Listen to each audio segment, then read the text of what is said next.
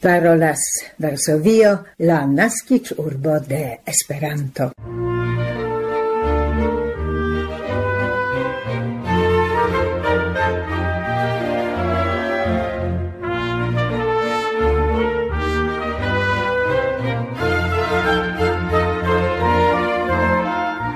Coran bonvenon, gesignoroi, en la 1201 Esperanto-elsendo el Varsovio la decan de octobro 2022. En la hodiaua lunda el sendo Barbara Pietrzak kaj Maciej Jaskot proponas aŭskulti komence kultur kronikajn informoin sekve felietonon dedicitan al Koninda Polo, temas pri Stefan Kudelski, revoluciiginta la sonregistradon por radio, televido kaj filmo, dank al siei in Nagra, honorita interalie per du Oscar premioi. La Esperanto comunuma informo concernas unua vice concursemain verkemain medicinistoin. Hodiau anta unia mikrofono ni gastigas polan studenton de la interlingvistikei studoi Mikaelon Rikardon Balicki. Komence ni proponas la kulturkronikajn informojn.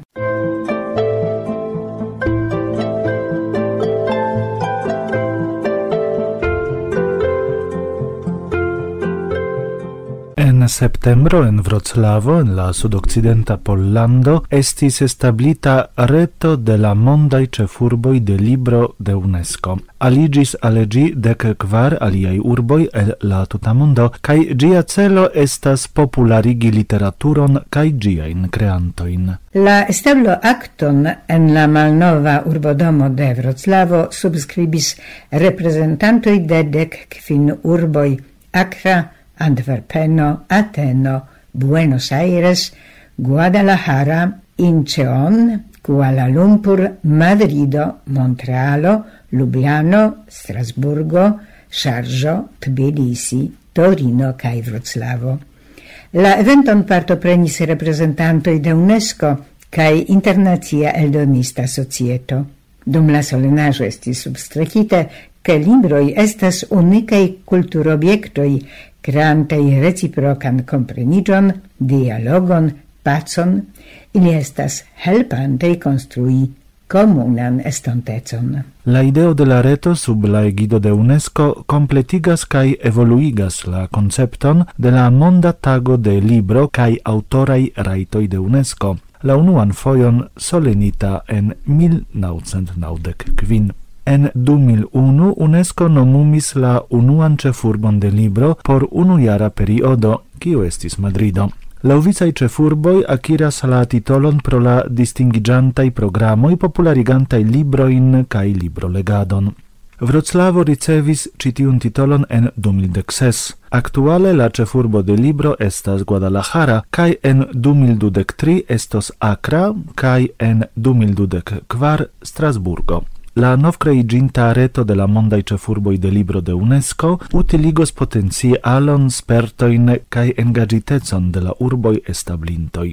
La celo estas crei comunain proiectoin cae programoin formantain la socian conscion pri la signifo kion por la nuntempa mondo havas literaturo kaj giai creantoi, libromercato, altigado de librolegai competentoi kaj contraubatalado de analfabetismo.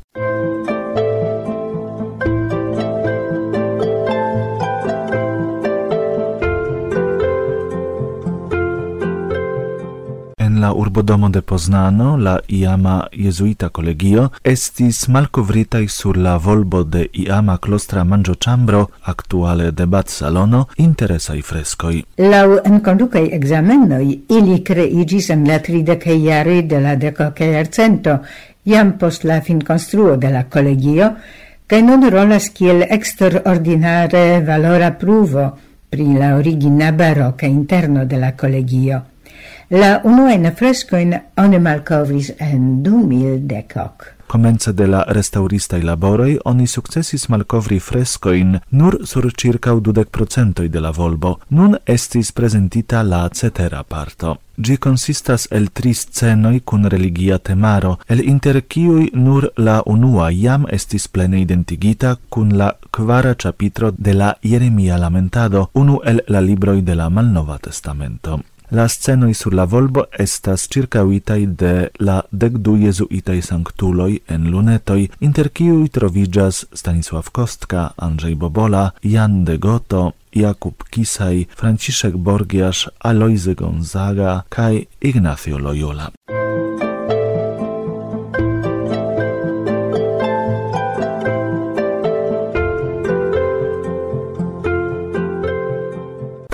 Retradio daurigas la Esperanto-elsendon.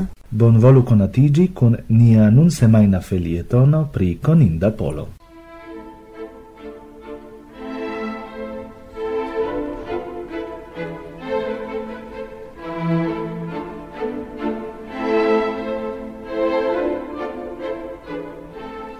La hodiaŭan felietonon ne dediĉas al Stefan Kudelski, elstara pola elektronikisto, kies biografio estas preta materialo por la filmscenaro. Kvankam ekster la filma aŭ radia medioj lia nomo ne estas vaste konata, sed ne eblas diri tion pri lia sonsorbandigilo Nagra, revoluciiginta la sonregistradon por radio, televido kaj filmo. Havante nur dudek du jarojn, li inventis aranĝaĵon, kiu por jardekoj ŝanĝis la tutan ĉirilatan produktosektoron. Kiam mi komencis labori en la Pola Radio, kaj interalie okupiĝis pri la raportado, la nomo de Nagra magnetofonoj estis legendeca kaj vekis asociaciojn kun la plej kvalitaj sonregistraj laboroj. Kvankam mi mem disponis pri tute bona bobena uher magnetofono, ja niciu istis, sciis, che gia son qualito estas necomparebla rilate al nagra. Stefan Kudelski naskidis la 27 de februaro 1929 en Varsovio. Komence de la dua mondmilito pro la germana invado la tuta familio decidis elmigri. La familio devenis en la oriente orientaj randregionoj de la antaŭmilita Pollando. La avo Jan Tomasz estis la urba architekto de Stanisławów, meritiginta por rekonstruo de la urbo post la unua mondmilito, lasinta firman spuron en la urba architekturo.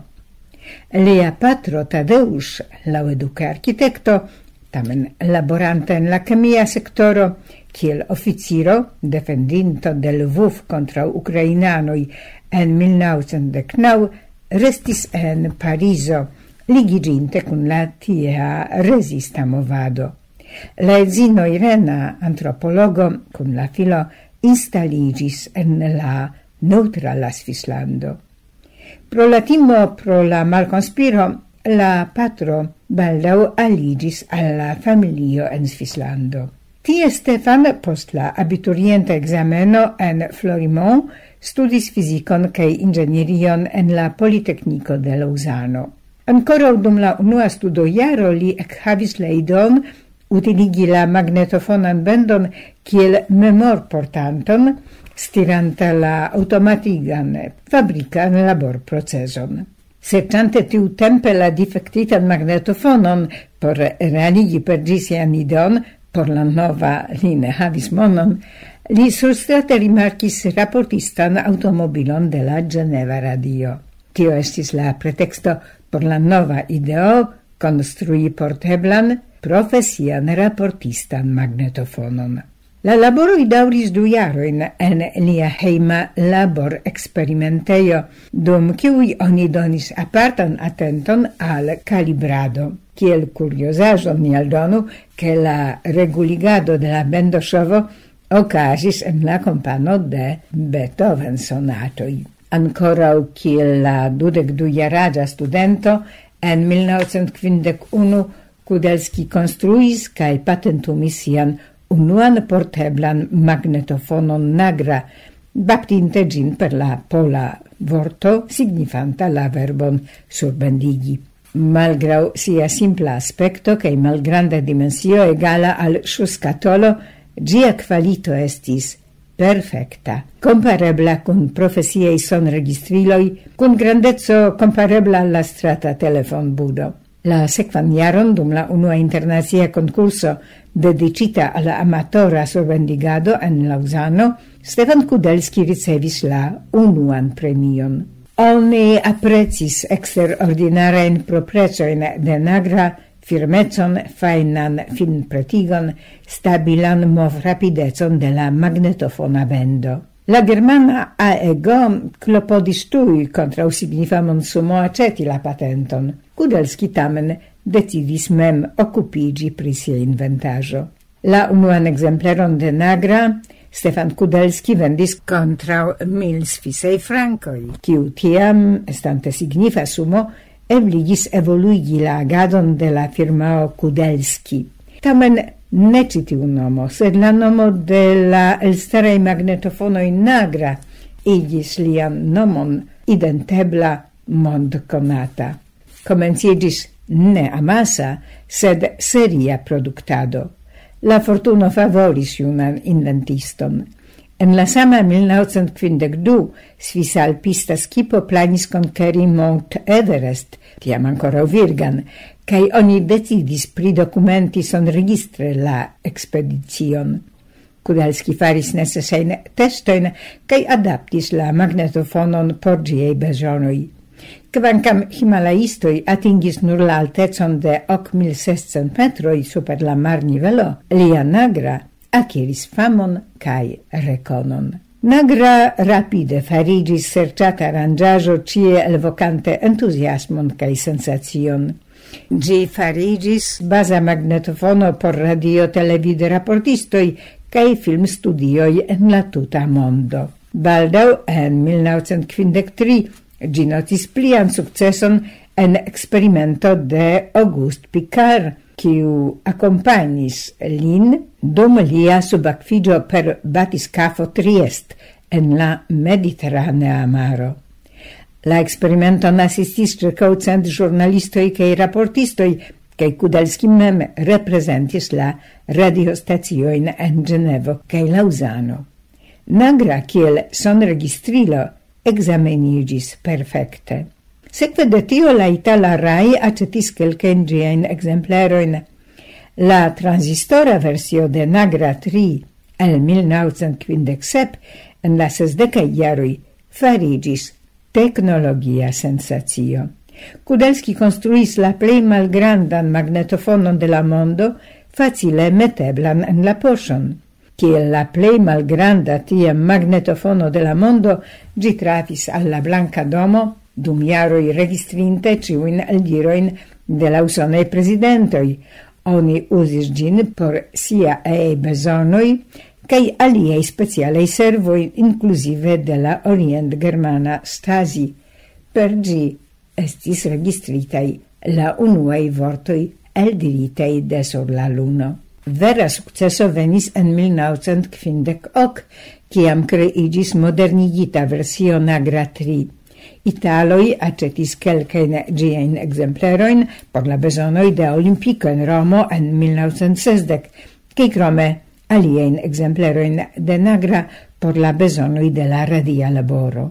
Nagra 3 estis transistora magnetofono adaptita alla cun laboro con film camerao, garantianta sincronan registron de bildo con sono. Gi debutis kiel la modelo Nagra 3 Nopo en la filmo de Marcel Camus Nigra Orfeo, cameraita en 1959. La pliei usoi de Nagra helpis producti tiein Oscar premitain filmoin kiel Exorcisto, Amadeo, Angla Paciento.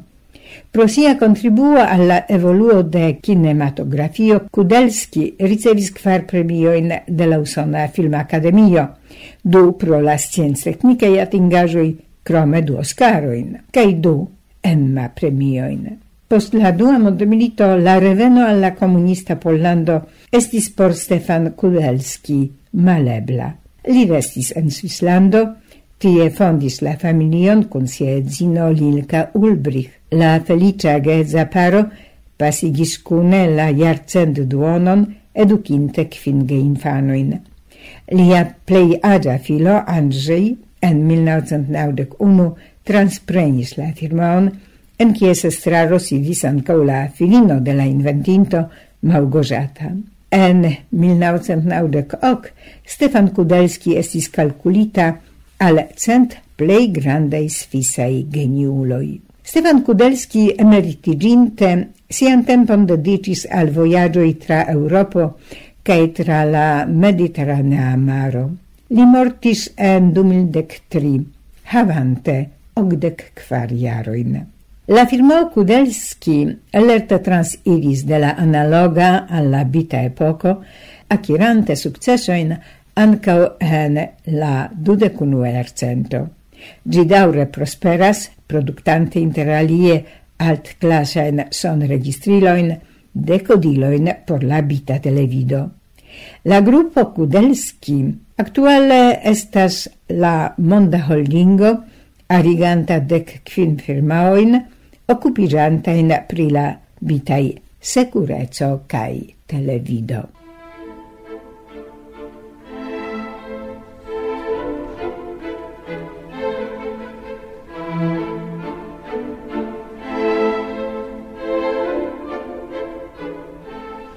parolas Pola Retradio en Esperanto.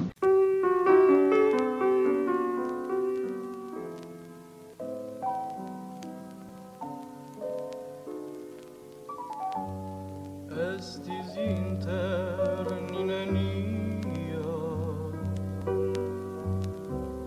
Nec confesoi, nec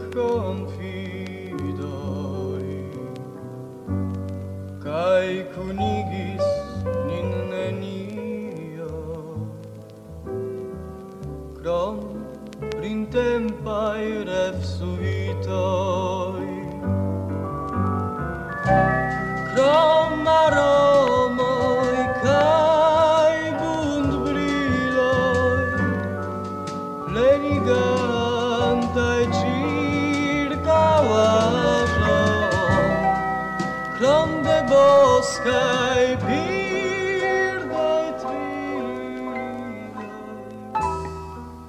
cai fresgrasa la verdade.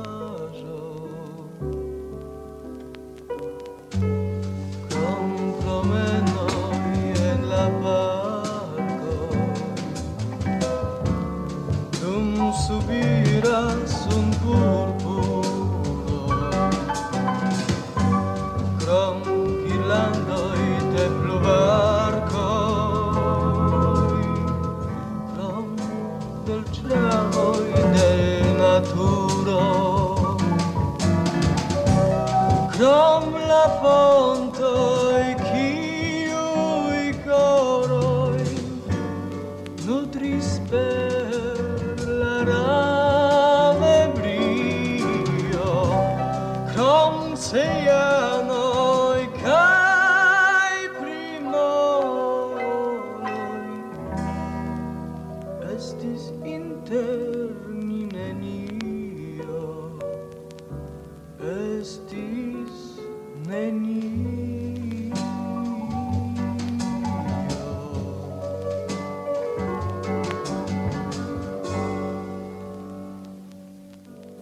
Hodiaŭ ni proponis al vi Esperanto-version de la pola kanzono el la sepdekaj jaroj inter ni estis nenio por la teksto de fama deknaŭjarcenta pola poeto Adam Asnik cantis la ensemblo Musilo. vi operolas en la internacia lingvo.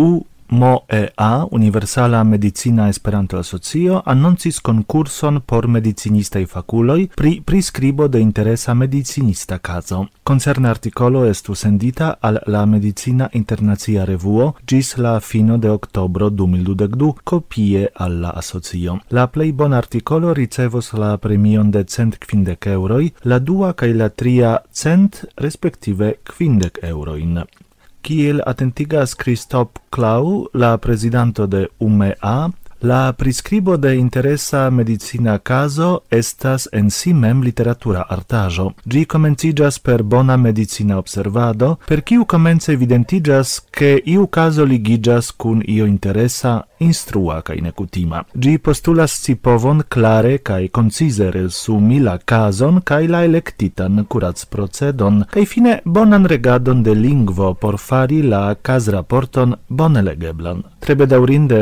la artformo de medicina kazraporto hodiaŭ estas ofte neglektita en medicina edukado, skribas Klau, kvankam tiaj majstroj kiel Oliver Sacks kaj Alexander Lurija konsideris ĝin kulmino de medicin artista maestrezzo, kiu samtempe donas alla autoro la eblon honori la individuain viv condicioin cae viv historion de prescribita paciento. Curacisto, kiu tage occupigas pri pacientoi, capablas tui verci quelcain raportoin, curacistoi plu profesie activantai memoras interesa in caso in el sia carriero. Tiel la concurso povas contribui al la revivigo de la arto verki medicinista in caso rapporto in ancau en esperantista profesia medio.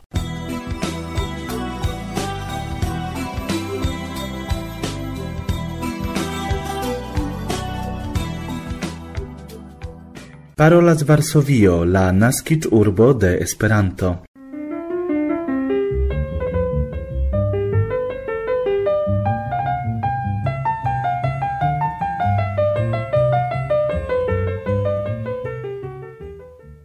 vidu con ni eh, la informon kio logis vin al Esperanto kai kiam vi ĝin eh, lernis? Do unue tio kio nu allogis min al Esperanto estis la la informo ke tio estas la plej facila lingvo. Do mi ĉiam interesiĝis pri lingvoj ĝenerale kaj mi simple pensis ke lerninte iomete la germanan kaj la anglan en la lernejo kaj scipovante la polan kiel mian denaskan lingvon, mi volus lerni pli da lingvoj, tio estis la plej facila eblo Do kiam mi renkontis tute hazarda esperantistojn en Vroclavo, mi ricevis de ili lernolibron, tre malnovan, kun tre flavaj paĝoj.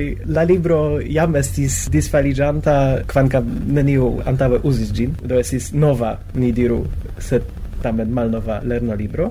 Do mi lernis Esperanton pro tio, ke mi sciis pri ĝi, ke ĝi estas facila, sed pro tio mi certe ne restus en Esperantujo mi restus pro tiu interna ideo. Do tio estas tiu hokilo. Yes, yes. Do mi, hokilo estis mi, mi dirus ĝuste tiu simpleco, sed tio kion mi trovis Firmigis vian lokon en la komunumo. Yes, yes. Do estas tiu, yes, tiu credo ke tio estas la justa solvo por internacia komunikado. Poste vi ankaŭ ne sole restis en la movado, sed ankaŭ aliĝis al la organizita movado. Yes, yes. Do estas nova nova afero en mia vivo mi farigis tiare vicprezidanto de la Silesia Esperanto Asocio kaj mi ĝojas iomete maljunigi nian formalan flankon de la movado. En Pollando felice ni havas sufiĉe multajn junajn homojn kiuj okupiĝas pri Esperanto kaj ankaŭ movadumas. Ĉar ĉar tio gravas. Do, mi ĝojas Esperante aliajn aferojn kiujn ni povas en Wroclavo fari kune. Fakte vi nun farigis tre aktivaj. Ciam vi estis aktivaj ankaŭ ciam, en la tempo kiam mi estis en Vroclavo dum mallonga periodo tiam estis giuste tiu ci radianta junulara centro kaj nun de kelka tempo fakte eh, vi estas tre aktivaj. Nun vi estas prezidanto, in plano in vi havas en via agado? do en Wroclavo gis nun ni paras multe pro la diversaj programoj de monsubteno por nia agado do ni sukcese verkis diversajn eh, ni diru juste programo in projektojn kai tiu projektoj estis subtenata kai kadre de nia urba financado kai kadre de Europa Unio eĉ do eh, ciare de kelkaj wroclavanoj povis veni alla itala kongreso parte pagite de la Europa Unio cadre de Erasmus Plus. Tion ni certe planas daurigi gis nun tiui projektoj estis mi diru precipe por maliunuloi, compreneble, char plurai esperantistoj ja ja ne estas eh, junuloj generacio 60 plus. Yes, eble quindec plus, sed, sed yes. Do, mia espero estas, che ni simile faru verkutia in projekto in por allogi junulojn.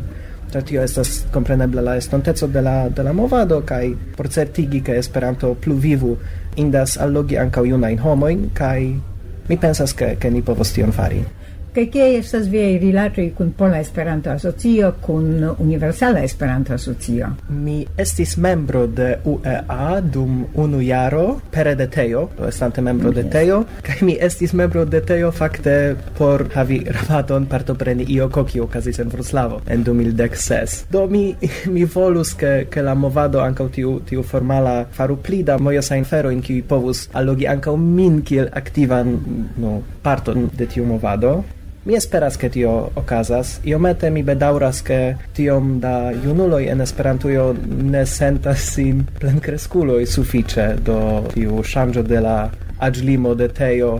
Ĝis la... tridek kvin. Ĉu ne tridek ses? Eĉ mi, mi ne scias precize. Tamen mi dirus, ke tridek jarulo ne estas junulo. Do io maudace al de, de junulo. Jes, do mi estas preskaŭ tridek chiara kai mi volus ke tio estu vere por junuloj, ĉar mi mi pensas ke pro tio ke tiom da da homoj daŭre laboras por ke ioko estu vere mojosa afero, tio bedaurinde faras ke uko ne estas tiom alloga por homoj de de mia generacio, ni diru. La sama in afero in oni povus fari dum ukoj, oni povus agadi en UEA por fari la sama in afero in sed la mi tio estus la la play bona vojo. Aha. Estas strukturo suverena. Yes. Rilate alla Pola Esperanto Asocio Sed giuste, ĉu vi havas kontaktojn kun aliaj organizoj en Pollando? Kaj ĉu okazas iu kunlaboro? Aŭ ĉu estas iuj planoj kunlabori kun aliaj? Do mi pardonpetas se mi ne scias ĉion pri nia agado ankoraŭ. Mi kiel mi diris mi estas de antaŭ nelonge vicprezidanto, sed jes ja ni kunlaboris kiel eh, Silesia Esperanto Asocio ni kunlabore kun Kelly organizis kongreson de Kelly. Kaj kompreneble tio estis ankaŭ afero ĉe kiu ni kunlaboris laboris kun la Pola Esperanto Asocio, do mi konas nian prezidanton de PA do tamen iu formo de kunlaboro estis do ne estas eh, tiel ke ciu tage aŭ ĉiu semajne ĉiu monate vi devas kunlabori kun iu alia medio sed vi kvazaŭ ne, ne distanciĝas disde tiu ĉi laboro. Kaj kompreneble mi ŝatus demandi ankaŭ pri tio, ĉu vi kelkfoje aŭskultas niajn programojn? ne tro ofte. Ne gravas. Ĉu vi aŭskultas Esperanto-radioin? Yes, yes, mi auscultas, mi diru, tio kion mi auscultas ne estas compreneble nur en Esperanto, do eble pro la simple kvanto de, de diversaj aferoj kiuj mi povas eh, atingi per interreto plei ofte mi faras tion per la angla.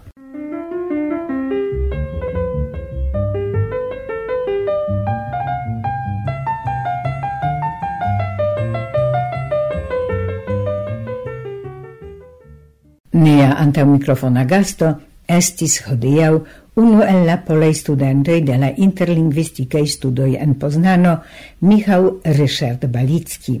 Czy okaze ni aldonu, ke giuste por la autuna sesio aperis la dua lernolibro de la interlingvistikaj studoj post la interlingvistiko de Vera Barandowska-Frank en 2012.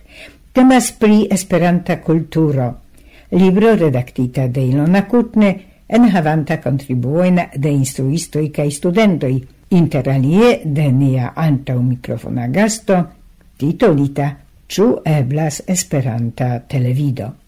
La adreso de la elsutebla libro aperas en la program informo de nia hodiaŭa elsendo ce la adreso pola-retradio.org finiĝas nia lunda Esperanto elsendo al Varsovio.